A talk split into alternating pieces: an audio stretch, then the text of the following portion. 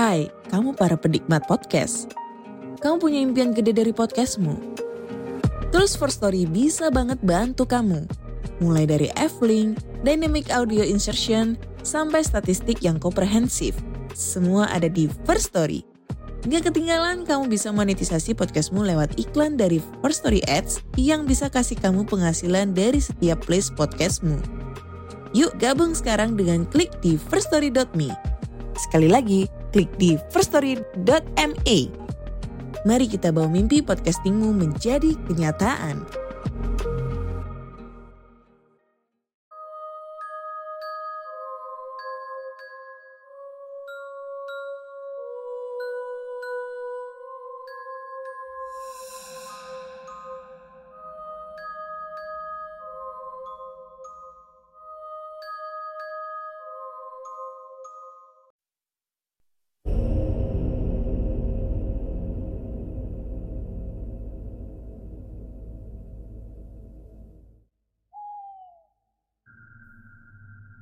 Assalamualaikum warahmatullahi wabarakatuh. Halo semuanya Jumpa lagi dengan saya Chow Sing Sing Kurator dari podcast Horror Night Story.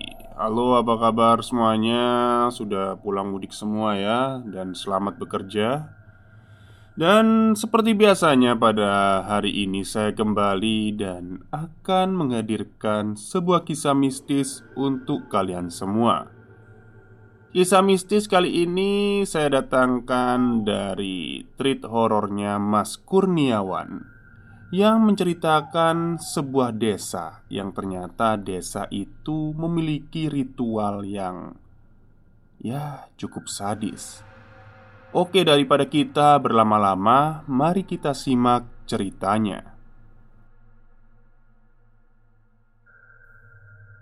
Halo semuanya, saya Aska dan saya akan menceritakan kisah legend yang terjadi pada tahun 1990 di mana ini adalah sebuah kisah seorang pengabdi setan. Untuk nama, tempat, dan sebagainya rasanya tidak perlu ditulis ya Karena anggap saja cerita pengalaman narasumber ini sebagai pengingat. Ambil baiknya, buang buruknya, Selebihnya dinikmati saja sebagai sajian kalau manusia masih terlalu kecil untuk tahu perihal apa yang ada di luar sana. Tanpa berlama-lama, kita akan kembali ke masa lampau. Di sebuah desa kecil, di mana tempat ini memiliki julukan "kampung dukun" karena terkenal akan kekuatan para dukun yang diperkuat oleh memedi atau dedemit. Tapi dedemit paling kuat di desa ini adalah Nyai Hutan yang memiliki julukan penguasa seni peteng. Dan belum ada satupun dukun yang bisa menjadikan dukun ini sebagai median santet. Maksudnya itu apa? Menjadikan setan ini sebagai pembantunya mungkin ya. Dan datanglah penghuni baru di desa itu bernama Asri dan Dewi. Asri dan Dewi datang ke desa tersebut karena ingin mengurus tanah milik nenek si Asri yang akan dijadikan rumah. Namun, sebelum melihat tanah milik nenek Asri, dia berkunjung ke rumah neneknya terlebih dahulu. Dan sesaat Asri dan Dewi masuk ke dalam rumah, tapi dia tidak menemukan siapa-siapa. Wih, nenek gue kok nggak ada di mana-mana ya? Nenekmu keluar kali. Lalu mereka menaruh barang bawaan mereka, dan mereka memutuskan untuk bertanya kepada orang-orang sekitar. "Permisi, Pak, Bapak kenal sama nenek Ningsi tidak?" Iya, kenapa mbak? Kok dia nggak ada di rumah ya pak? Mbaknya ini siapa ya? Ini saya pak, cucunya Nek Ningsi Nek Ningsinya di mana ya pak? Kok nggak kelihatan? Lalu, bapak-bapak itu bilang Mbak, neneknya mbak itu udah hilang Sudah dari satu bulan yang lalu Mendengar hal itu, Asri seketika terkejut dan hampir tak percaya. Lalu dia pun lari ke dalam rumah. "Asri, tunggu!" teriak Dewi. Saat masuk ke dalam rumah, ia tak menemukan Asri. "Sri, kamu di mana?" Lalu Dewi dikejutkan oleh nenek-nenek yang tiba-tiba muncul di depannya. "Nyari siapa, cu?" "Oh, ini nek, saya nyari teman saya."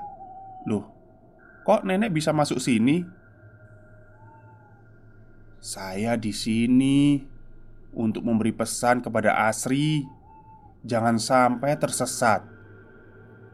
Lalu, tiba-tiba ada yang memegang pundak Dewi, dan ternyata itu adalah Asri yang dari tadi memanggil-manggil nama Dewi. Lalu, saat Dewi melihat ke arah nenek itu, ternyata nenek itu hilang. Tetapi Dewi tak mengatakan sepatah kata pun tentang nenek-nenek yang tadi. Saat malam tiba, ada suara ketukan pintu, dan saat dibuka, ternyata itu adalah Pak Kepala Desa. "Eh, Bapak, ada apa ya, Pak? Kok malam-malam gini ke sini?" "Kamu ikut saya sekarang." "Ada apa, Pak, emangnya?" "Ada yang mau saya bicarakan dengan kamu. Ini penting." Oh, begitu ya. Baiklah, Pak, saya siap-siap dulu. Akhirnya, Asri dan Pak Kepala Desa pergi bersama ke suatu tempat. Lalu, Asri bertanya, "Nama jenengan siapa ya, Pak? Biar saya manggilnya enak." "Oh, nama saya Pak Parjo Wibowo. Kamu bisa manggil saya Pak Parjo." Ini rumahnya masih jauh ya pak?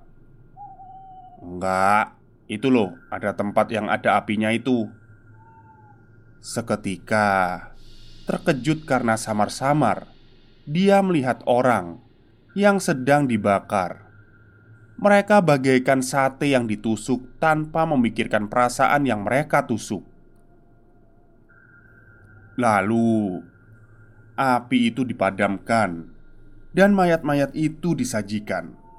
Dan katanya, mayat-mayat itu adalah tumbal, dan Asri diberi sebuah telur.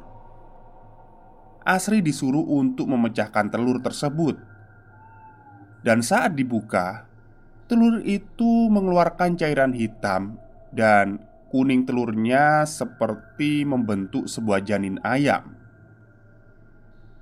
Lalu Pak Parjo bilang, kalau hal itu bertujuan untuk menghormati leluhur, sekaligus untuk menyambut pendatang baru.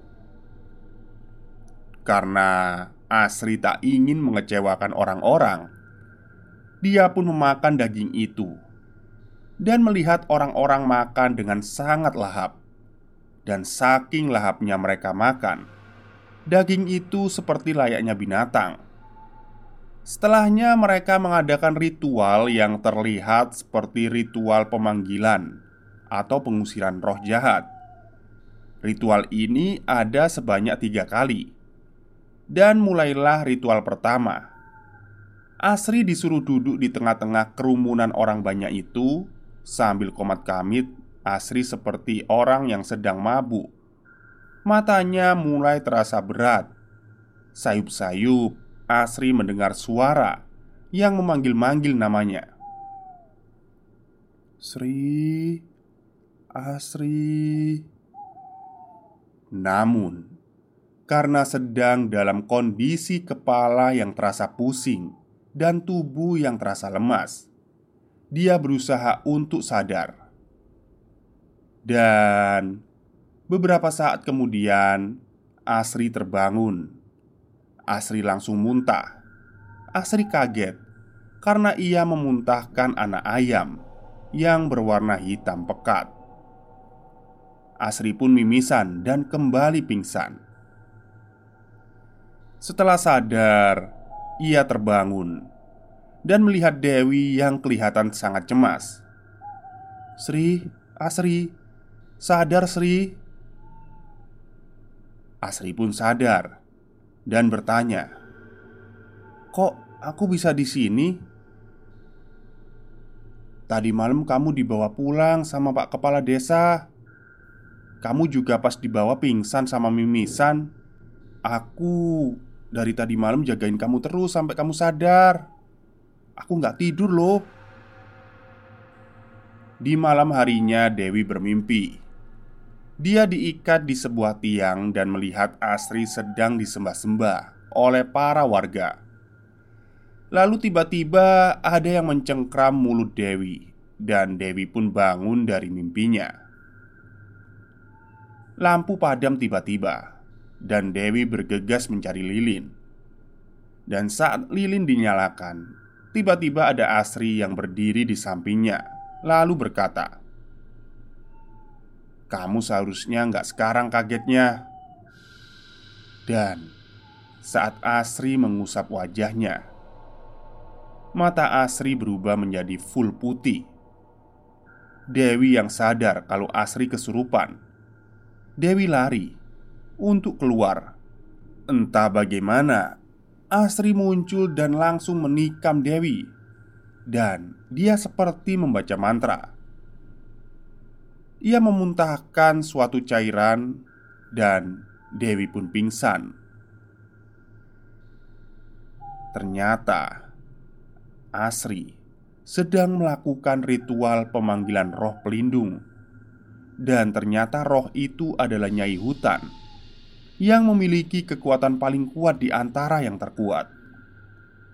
Selain itu, Dewi lihat kalau Asri kesurupan terus memakan organ dari salah satu warga yang ikut ritual itu.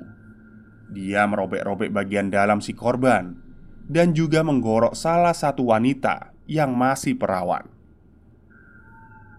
Asri meminum darah perawan itu, dan setelah meminum darah si perawan, dia juga membunuh ibu hamil, lalu memakan janinnya. Semua orang pun menengok ke arah Dewi. Tiba-tiba Asri muncul di belakang sambil memanggil nama Dewi.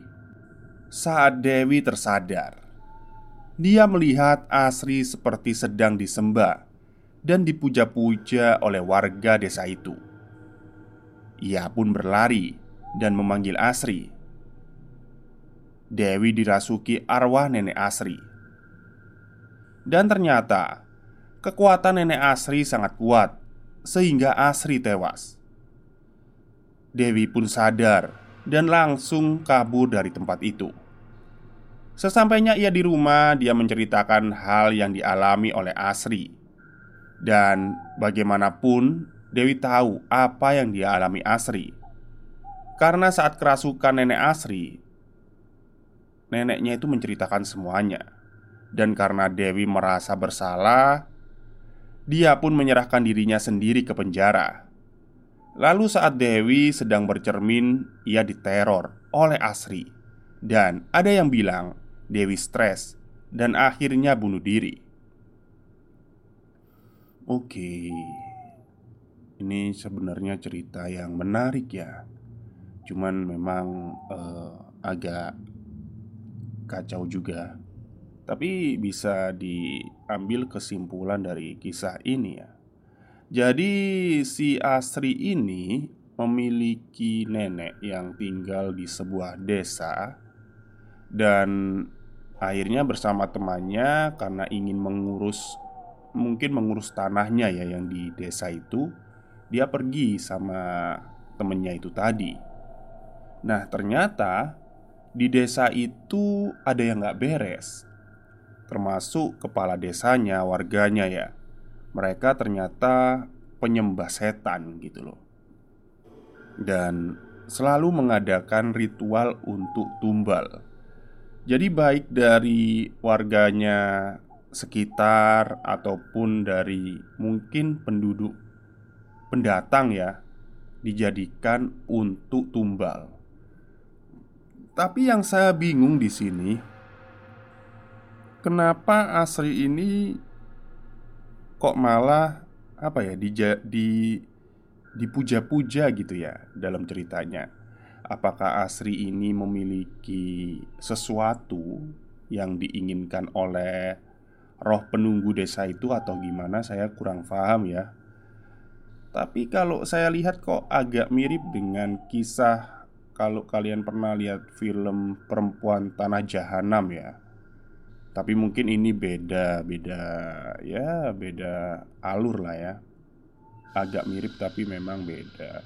Karena di Perempuan Tanah Jahanam itu juga dua kan ya yang jadi eh, karakter itu dua perempuan, satunya meninggal dan yang apa yang lakon utama itu masih hidup. Tapi bedanya kan di sini malah asrinya yang meninggal, dewinya yang masih hidup.